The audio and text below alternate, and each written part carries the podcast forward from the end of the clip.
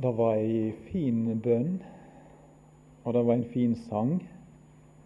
Og Jeg synes i grunnen at eh, det er godt å høre sangen her i forsamlingen og i lokalet òg. Og For meg så er det en del ukjente sanger. og Da er det litt sånn eh, spesielt interessant, synes jeg, å få dem med seg.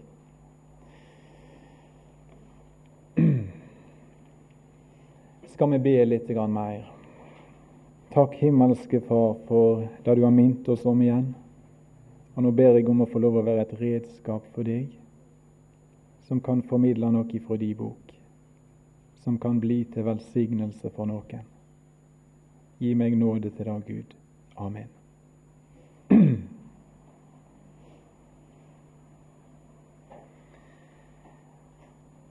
For min personlige del så er det veldig interessant å betrakter disse her eh, folkene som vi møter i Bibelen, som hørte veien til. Og igjen tar vi utgangspunkt i det andre verset i apostelgjerningene 9, der det står om denne som jakta på disse folkene, om han fant nokre som hørte veien til. Det er jo slektningene våre. Det er brødrene og søstrene våre på denne veien. Og Det som karakteriserer disse folkene, det er jo forskjellige mange måter og på mangs leis, men allikevel så er det så interessant å prøve å bli litt mer kjent med dem. Nå har jeg nevnt eh, tre-fire ting om disse folkene, iallfall tre.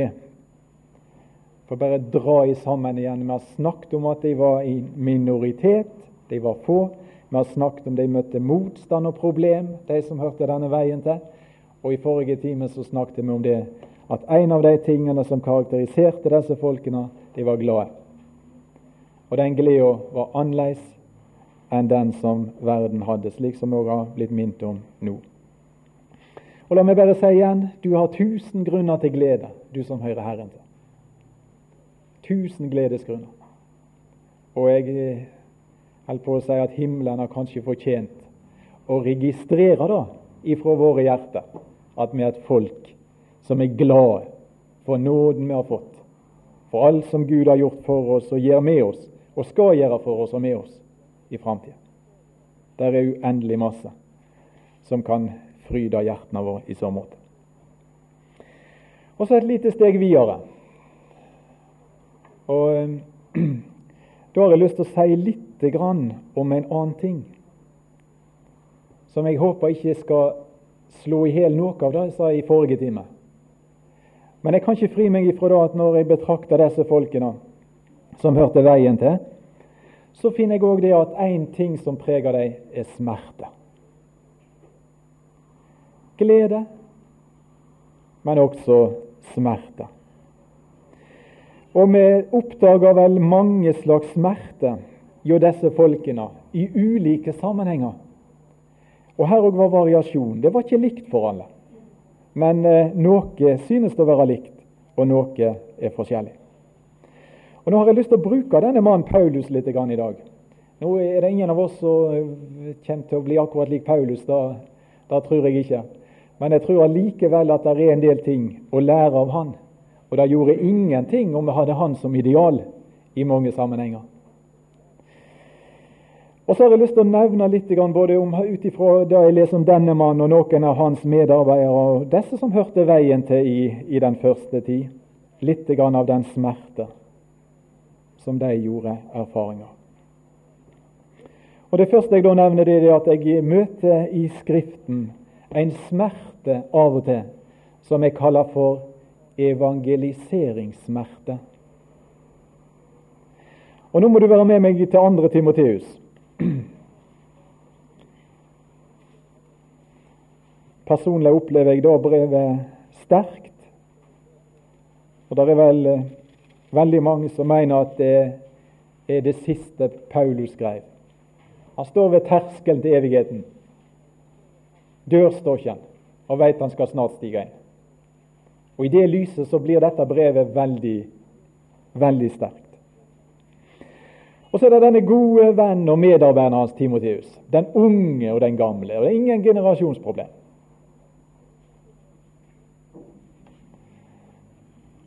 Og så skriver han til den unge Timoteus. En ny generasjons kristne.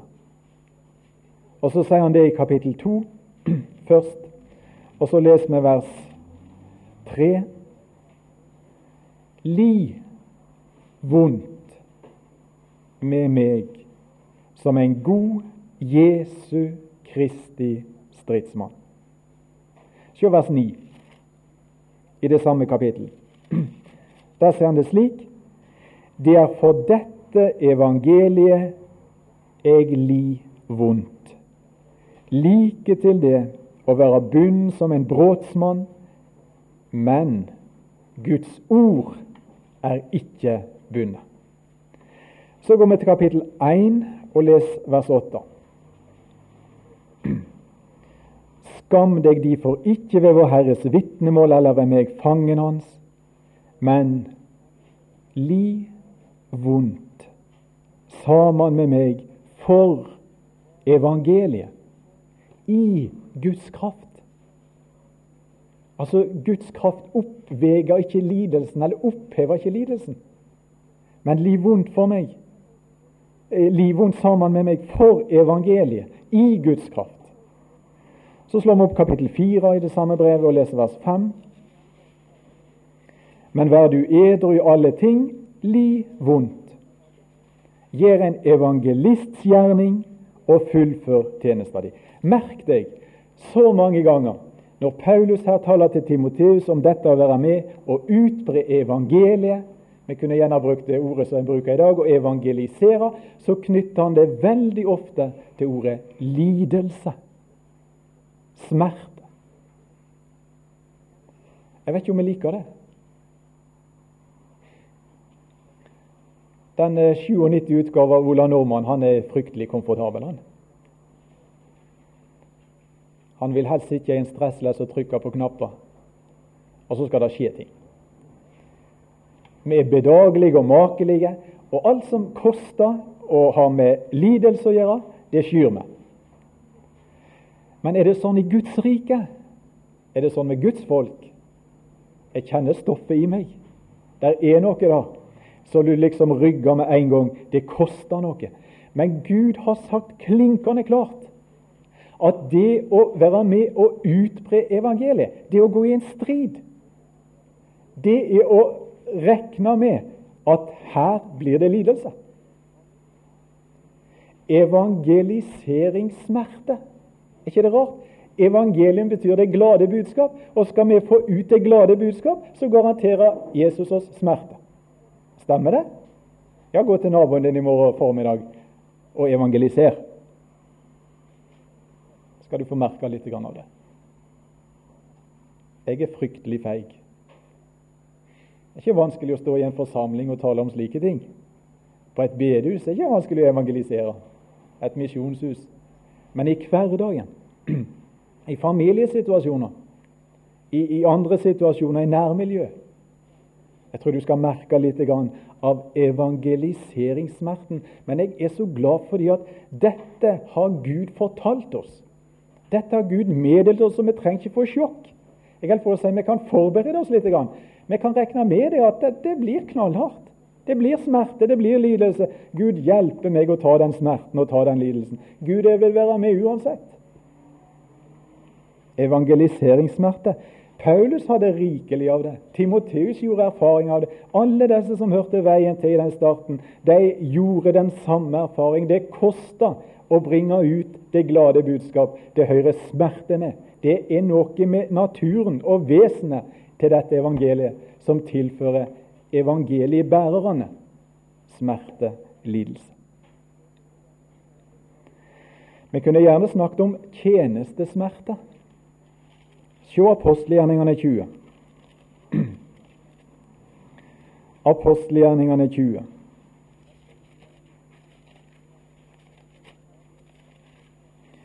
Og Der leser vi først vers 19.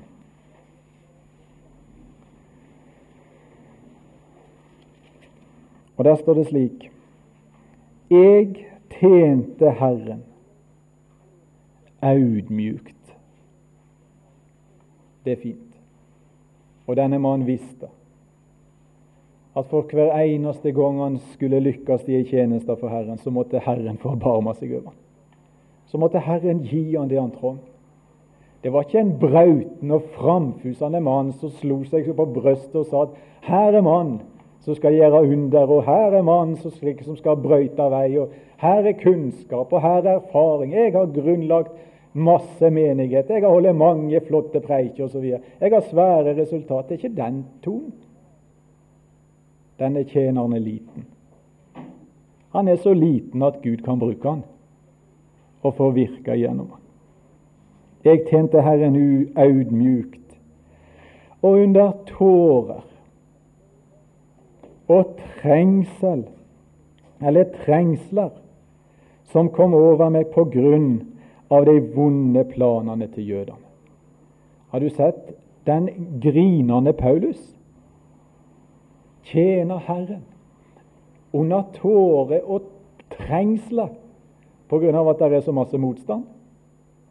Smerte. Han var mye flottere å være Johan Gamaliel vet du, og fortsatt studiene da. Eller vært blant jødene. Kosta ingenting å være religiøs. Men når han begynte med det navnet og det budskapet som hadde med Jesus å gjøre, da ble det en helt annen tjeneste.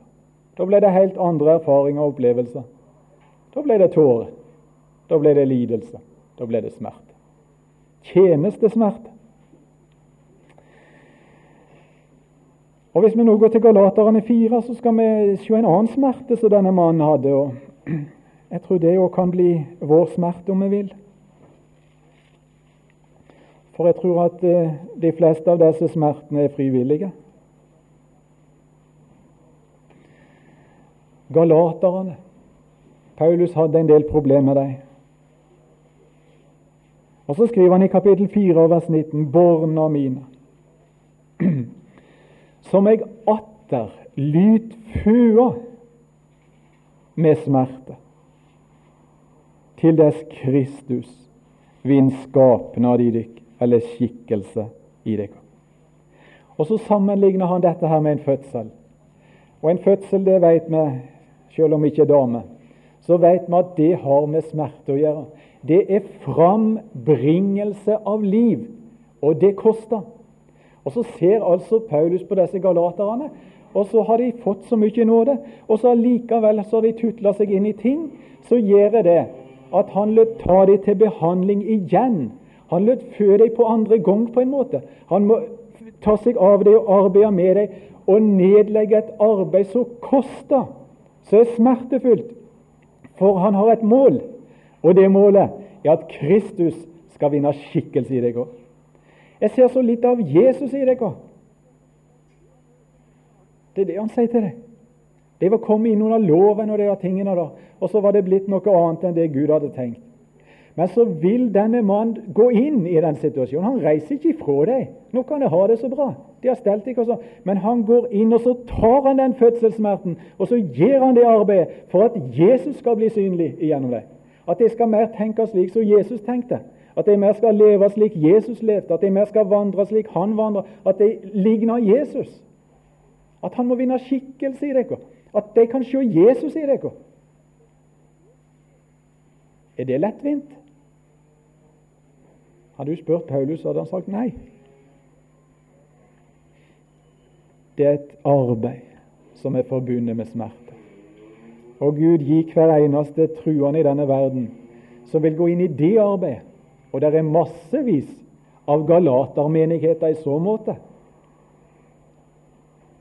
Du kan nesten bli, bli, bli motløs før du, før du begynner. Hvis du tenker på en del av disse ungdomssammenhengene i dag spesielt. Ja, ikke bare deg, men jeg har litt med deg å gjøre. Så jeg er altså så bombardert av inntrykk og påvirkninger som gjør at de ligner mye mer på verden enn de ligner på Jesus. Hva gjør vi da? Ja, da, da, da reiser vi. Nei, det gjorde han ikke. Ok, jeg skal gå inn og ta den smerten, jeg skal gå inn og ta det arbeidet selv om det koster. Og så skal jeg være med her og prøve å gjøre det jeg kan for at Kristus må vinne skikkelse i dere. At det må ligne mer på Jesus. Det er en smerte, det arbeidet. Gud velsigne alle som kan tenke seg å være med og ta slik smerte. Enda en gang har jeg smerte lik ei kvinne som gir fødsel, står der i en bibel.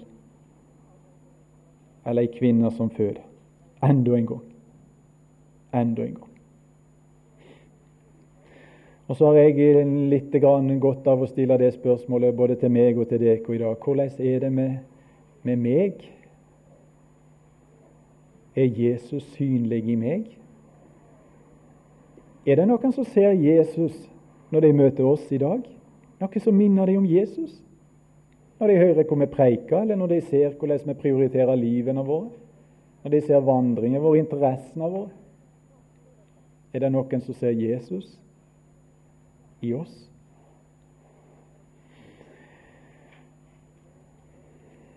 Fødselssmerte, andre gangs fødselssmerte, det hørte med for de som hørte veien til. Og så en annen smerte som jeg kaller for fellesskapssmerter. 1. Korinterbrev 12, 26. Jeg er så glad i 1. Korinterbrev 12. For det er et sånt flott bilde. Han snakker om lemmene på lekamen, og det, det, er så gnistrende fint.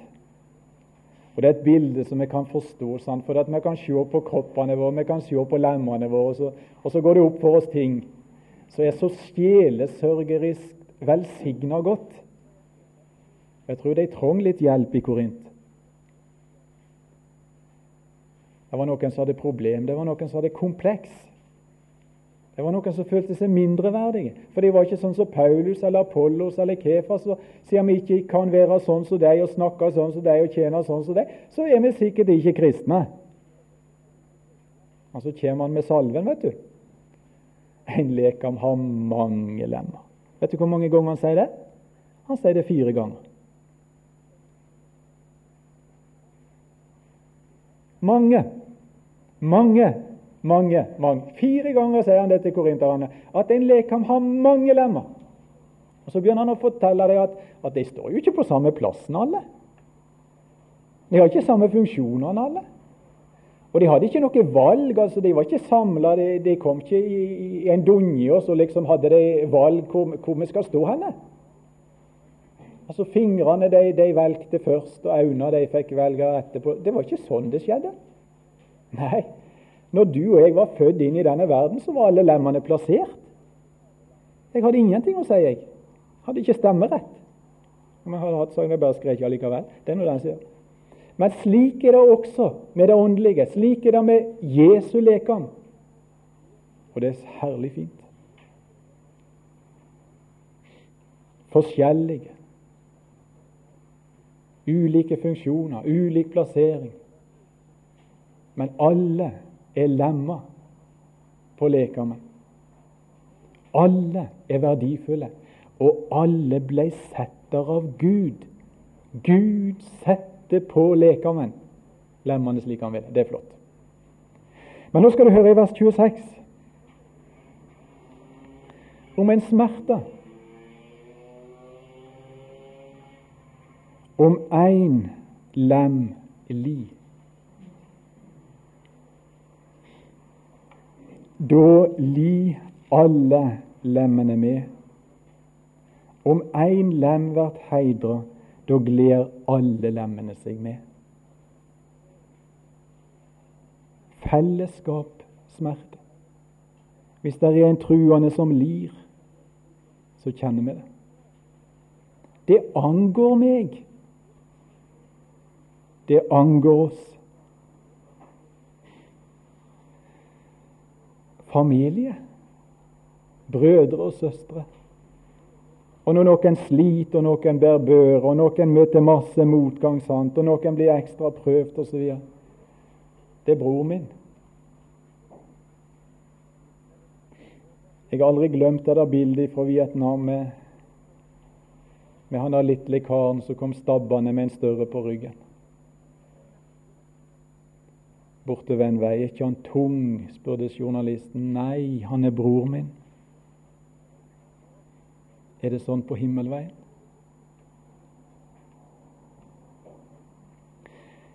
Kjenner du smerten i hjertet ditt når noen blir liggende igjen på veien? Når de tomme stolene står der og forteller oss at nå er det andre ting som interesserer mer enn Guds folk og Guds rike?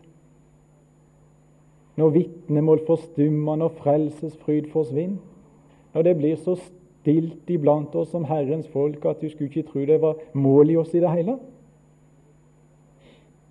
Kjenner vi smerten? Når fellesskapet ikke fungerer? Når lemma lir? De kjente den, disse vi møter her, iallfall en del av dem. Og en del av dem gjorde noe med det. Så har du lottsmerten, som alltid har karakterisert deg som hører Herren til. 2. Peter 2.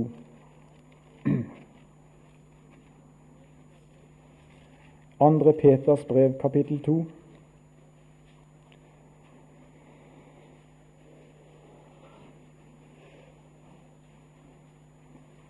Han fridde ut den rettferdige Lot, som var plaga av den skammelige framferda til de lovløse. Der sier Sodoma. For den rettferdige som bodde mellom dem, lei dag for dag pine i sin rettferdige sjel ved de lovløse gjerningene han så og hørte. Det er også en smerte som jeg tror følger de rettferdige de som hører veien til. Og Det som kanskje kjennetegner den rettferdige, det er det at han ser, han betrakter disse folkene uten å bli lik dem. Uten å like dem og det han ser. Men han kjenner smerte. Han kjenner pine. Og Nå trenger ikke vi reise ut i verden for å kjenne denne smerten. Du skal ikke sitte lenge framfor fjernsynsskjermen i enkelte sammenhenger før enn du skal kunne ha grunn til å kjenne den smerten. For Sodoma det er i dag ikke bare en plass som ligger langt der nede. Men Sodoma har mange forgreininger også gjennom NRK og TV 2 og disse tingene som kommer rett veltende inn over oss. Akkurat de samme tingene som de hadde da. Hvordan reagerer vi? Blir vi sløva? Blir vi likedanna og begynner vi å like ting? Eller kjenner vi smerten, lottsmerten, den rettferdige sin smerte? Over disse som lever stikk i strid med Herren og Herrens vilje og Herrens plan. Det er noe av det som preger de som hører veien til. Og Når det gjelder Paulus, så er det òg en annen smerte som jeg har lyst til å nevne. Det er en sviktsmerte, som jeg leser om i 2. Timoteus. Jeg har liksom tenkt meg det at det var ikke den enkleste heller. 2. Timoteus kapittel 1 og vers 15. Så sier han det til, til Timoteus at du veit at alle de Asia har vendt seg ifra meg. Og Så kan vi jo tenke, og jeg tror alle skjønner, at det var ingen god erfaring for Paus. Alle de Asia har vendt seg ifra meg. Mellom dem er Fygelus og Hermogenes, og så nevner han navn på sannsynligvis to ledere. Kanskje var de predikanter. Og blant de 70 som Jesus sendte ut en gang før. Jeg veit ikke det, men jeg har iallfall sett det de som hevder det. I alle fall, Paulus opplever det at folk som han normalt skulle vente støtte han, forsvant. De svikta. Og Det samme ser vi i slutten på på 2. Timoteus òg, kapittel 4 og vers 16. Og Det er jo klart at denne mannen her, som sto for sannheten, han måtte tåle mye.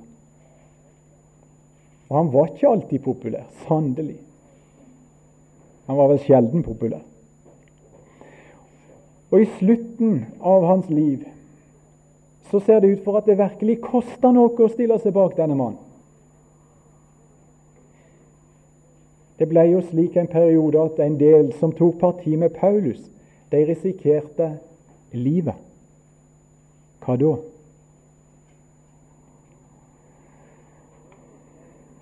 Da jeg forsvarer meg første gangen, møtte ingen med meg, men alle forlot meg. Så står han alene. Og det ser ut fordi at dette var sårt for han, dette var vondt for han, at de som burde støtte han, og de som kunne gått fram og sagt at denne mannen er ikke slik som det sier han er. Vi kjenner Paulus. Vi vet hvordan Paulus er. Vi vet hva han har gjort, vi vet hva han har gitt. Vi vet at han, han er sann og sannferdig. Ingen var der av de som kunne si slikt. Hvor var de henne? Ingen kom. Det ser ut for at de hadde anledning å komme og legge inn et innlegg for ham. Men alle de svikter. Alle de forlater. Det er ikke godt, det. Når venner svikter. Og jeg tror han kjente den sviktsverden. Men vet du hva jeg syns det er enda verre? Det er når jeg svikter. Det er når jeg vet at der burde jeg ha sagt noe. Der burde jeg ha gjort noe. Når jeg så Peter liksom står der og banner på Ja, ikke sånn direkte, men så allikevel så er jeg i samme gata. Fornekter Jesus der jeg burde vitne om han. Peter, den, den, den traven, han burde jo sagt jeg har vandra med Jesus i tre år. Jeg kjenner han. Han er ikke sånn som det sier. Dette er en god mann. Dette er sannheten. Ja, dette er Guds ånd. Du, for en anledning. Og så bare det, det, var unge jentene der, greiene, vet du, med det der bålet. Og så han store, staute Peter. Han måtte vel være såpass av mann at han kunne legge inn et gnistrende vitnesbyrd om Jesus. Han gjør ikke det. Jeg skal ikke fordømme han. For det er visst enkelte ganger at jeg har ligna mer på han enn det er kjekt å innrømme. Svikt, smerte.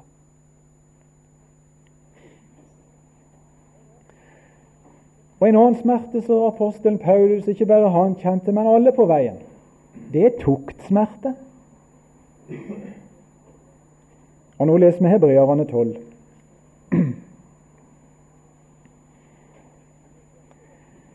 Og I det sjette verset står det for den Herren elsker, den tukter han.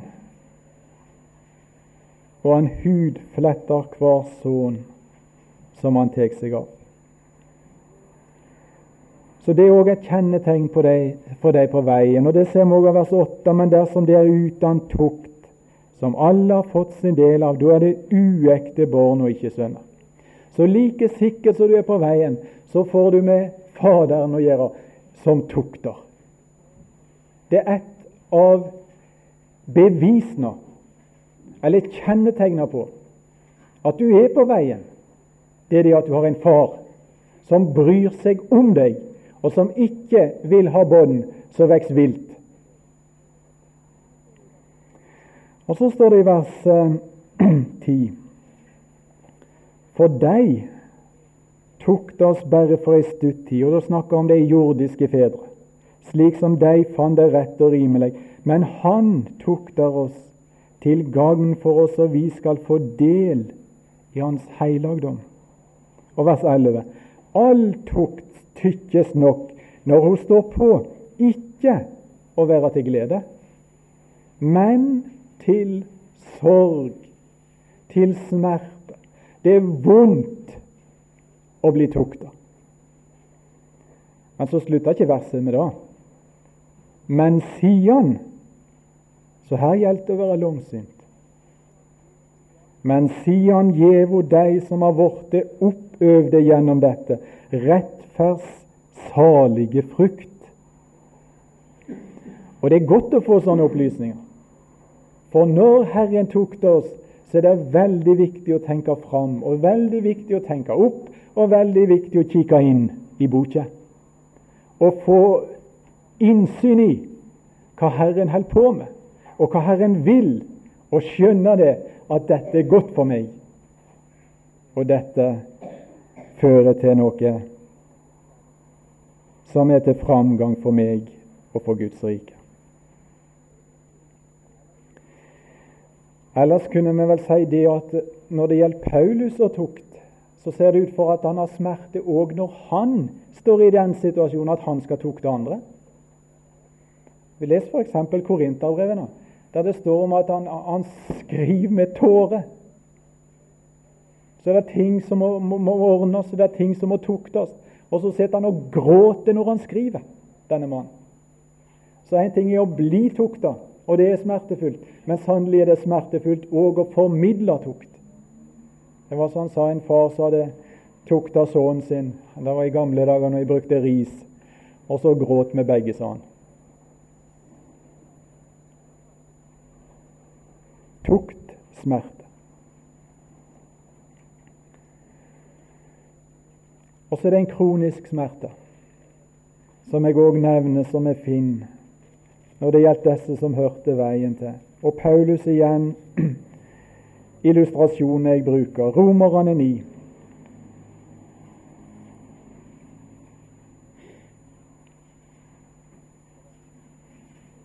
Og vers 1 og 2.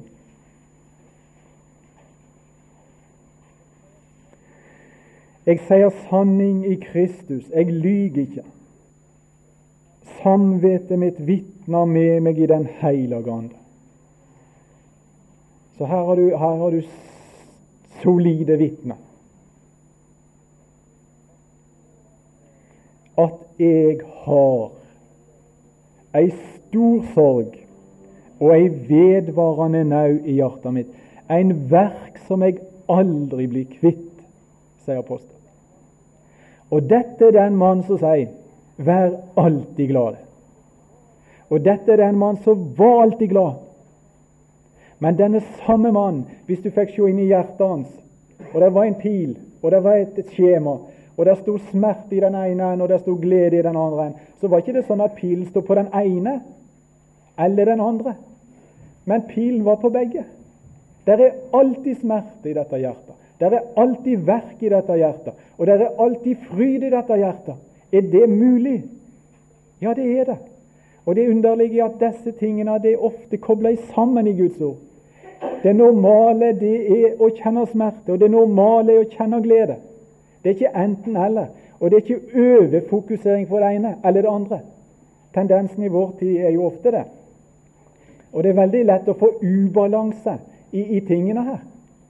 Jeg har iallfall kommet til ettersom jeg har blitt litt eldre, at ordet balanse det er et viktig ord i så mange sammenhenger. Også i Guds rike og for Guds folk, og når det gjelder disse tingene. Jeg eh, merker meg av og til Der er jo så, så Når du leser aviser der oppe som jeg bor i, når det gjelder Bergen, og når det gjelder fredag og lørdag, så averterer de for, for møter og sammenhenger som skal være i helga. Og det er jo litt interessant å, å lese alle disse forskjellige menighetene da, som møtene sine. Men det er noen som nesten alltid de setter opp ei stor sånn skrift, og så står det 'fest og glede'. Fest og glede.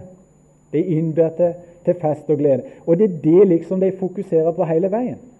Og Folk som har vært innom denne menigheten, de sier at de snakker aldri om eh, stort sett, eller ting som har med, med, med, hellighet å gjøre, ting som har med Guds vrede å gjøre, ting som har med fortapelse å gjøre, og, og slike ting. Men de fokuserer nesten alltid på, på, på fest og glede og jubel og, og, og, lovsang og disse tingene. Jeg sier igjen det er viktig i Guds rike at vi har balanse. Og balansen det er alltid smerte, alltid glede. Det er noe vi ser for de som hører veien til. Se i 1. Peter 1,6.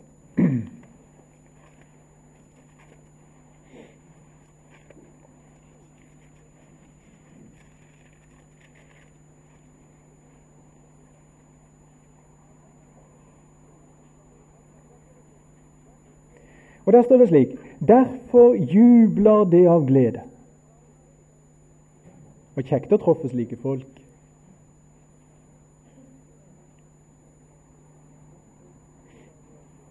Derfor jubler det av glede. Jamvel, om det nå ei lita stund, når så skal være. Det kan ikke vi forandre.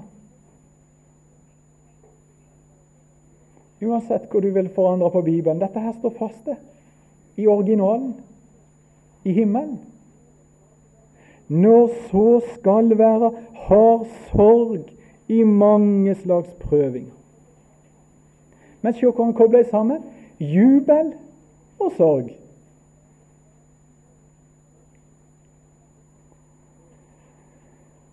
Prøvelsessmerte. Prøvelse. Tenk på Abraham. Tenk på jobb. Tror du ikke jeg kjente smerten? Men tilbake igjen til romerne. Her er altså ni. Her er et hjerte. altså Uansett hvor tid du ser inn i det, så er det smerte. Og hva gikk denne smerten på?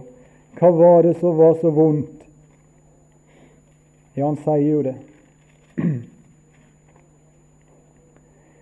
Jeg har i stor sorg et vedvarende nau i hjertet mitt, for jeg skulle ønske at jeg sjøl var bannstøtt bort fra Kristus fra brødrene mine skyld, frendene mine etter kjøtet. Og det gjaldt jødene, det er greit. Men jeg er like sikker på at denne mannen han hadde smerte òg når han så en ufrelst hedning. For han som var kommet inn på veien, han visste mer enn de fleste om hva det ville si å være utenfor denne veien. Og Denne mannen hadde vært i paradis, og han hadde sett litt av den himmelske verden. Og Han kom tilbake igjen og sier det at det går ikke an å beskrive. Det finnes ikke ord å beskrive den tilværelsen. Og Når da denne mannen møter mennesket som er utafor denne veien, som heller går imot det evige mørket, det evige gråt, da er det altså at det skjer i hjertet hans. En verk jeg aldri blir kvitt. De ufrelste.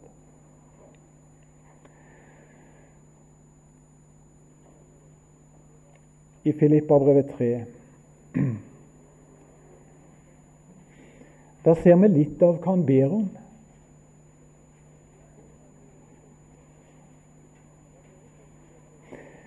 Jeg har vært på en god del bønnemøter fram gjennom årene, men jeg kan ikke huske at jeg har hørt noen har bedt om det som Paulus ber om litt ned i dette verset.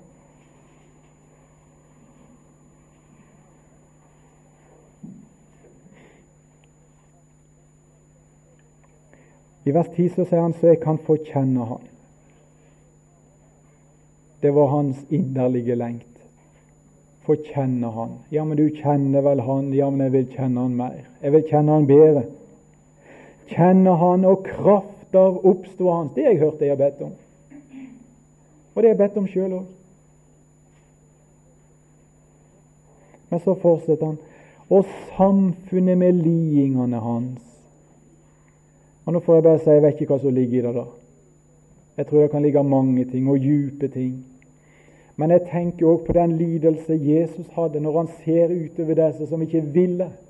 Så han så inderlig gjerne ville berga inn i sin favn, men det ville ikke, og så hulkegret han.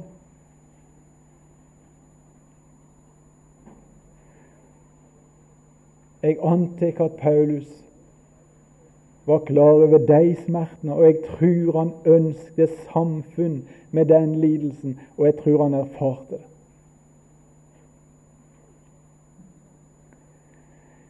Ligner vi på Jesus? Ligner vi på Paulus?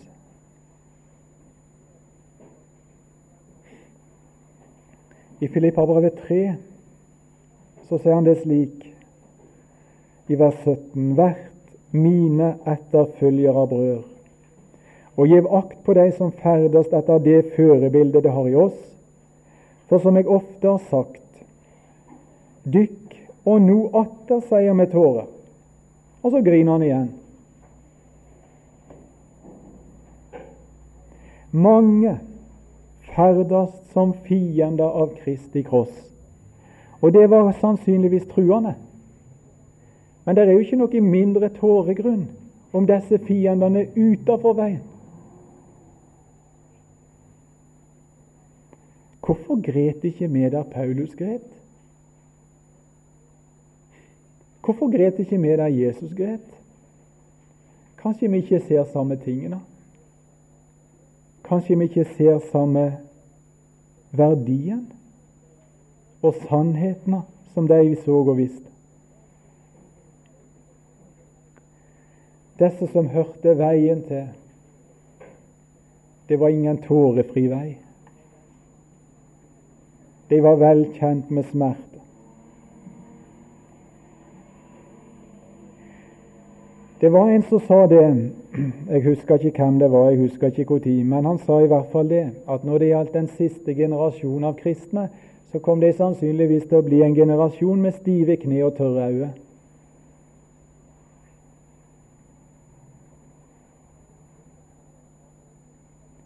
Hva trenger vi? Jeg vet for min del så trenger jeg det som står i Markus 8. La oss lese det til slutt.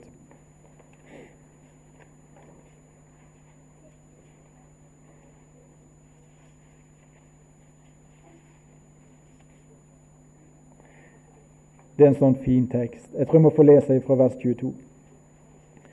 De kommer så til Betsaida. Og De fører en blind mann til han og ber han røre ved han. De har liksom opplegget klart. Jesus rører ved han her. Så vil de kommandere Jesus litt. Det er ikke alltid han går inn i våre opplegg. Han gjør ofte ting på sin egen måte også her. Da tok han den blinde ved handa og leide han utenfor landsbyen. Jeg syns det der er så fint. Jeg ser det liksom for meg. En blind stakkar, vet du. Hjelpeløs. Og så Guds evige og veldige sønn kjem leiende bortover en vei. Kan du tenke deg? For et syn! Den evige Guds sønn og en av de usleste og stakkarslige i dette samfunnet. Hånd i hånd.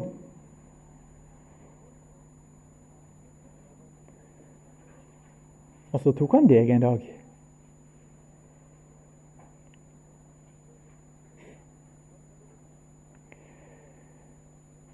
Han spytta i øynene hans og la hendene på han. Var det gale før, så ble det ikke bedre. Når han klissa spytt i øynene hans. Alle måtte bli opptatt med de øynene der. Og se at denne mannen var blind. Var ikke galt med han? Så spurte han ser du noe. Han så opp og sa jeg ser mennesket, for jeg ser noe som ligner tre gå ikring. Noe som ligner tre. Ok, sier Jesus, du er iallfall bedre. Kan du gå hjem igjen? Nei, han sa ikke det. Jesus gav seg ikke med halvgjort arbeid. Og Det er litt interessant at han, han kunne helbrede han momentant. Selvfølgelig kunne han det hvis han det ville. Men her skjer det altså i to etapper. Så la Jesus hendene sine på øynene hans att. Da så mannen klart. Han var et lekt og kunne se alt tydelig. Nå skal ikke jeg preike over denne teksten, men jeg tror at mange av oss vi kommer ofte i den situasjonen at vi ser folk slik som han så etter første berøring. Det er omtrent som tre som ikke har sjel som ikke skal leve evig. Sånn ser vi naboene våre. Sånn ser vi familiemedlemmer som ikke er frelst. Det er omtrent som tre. Hva gjorde Jesus? I en annen bibel så står det enda en gang så la Jesus hendene enda en gang. Jeg er glad i det uttrykket. Så fikk han en ny behandling, og så ser han klart. Vi som er så daue for de åndelige verdiene. Og vi er så ofte så svaksynte når det gjelder sjeleverdi og slike ting. Hva trenger vi til? Jeg får bare preke for meg den. Jeg trenger at Jesus enda en gang legger hånda si på øynene mine. At han behandler meg enda en gang, så jeg kan ha et åndelig syn. Og da vet jeg at hvis jeg ser tingene rett, så er det smerte, så er det nød. Men den smerten gjør noe med oss. Den bringer oss nærmere Jesus i bønn. Og kanskje den får oss òg litt ut på fiskefeltet. For det er fryktelig vondt å se en mann som går imot et stup uten å gjøre noe, hvis du ser. Gud velsigne deg til å trenge inn der og leve der, så han får stelle med øynene og holde oss vakne og varme og brennende og tjenende, med glede og smerte, helt til Han tar oss hjem. Velsign hver enkelt far i denne forsamling. Stell med oss, gjør din gjerning, om det kunne bli slik at Jesus kunne vinne mer skikkelse i oss, til ditt navns ære. Eh, Amen.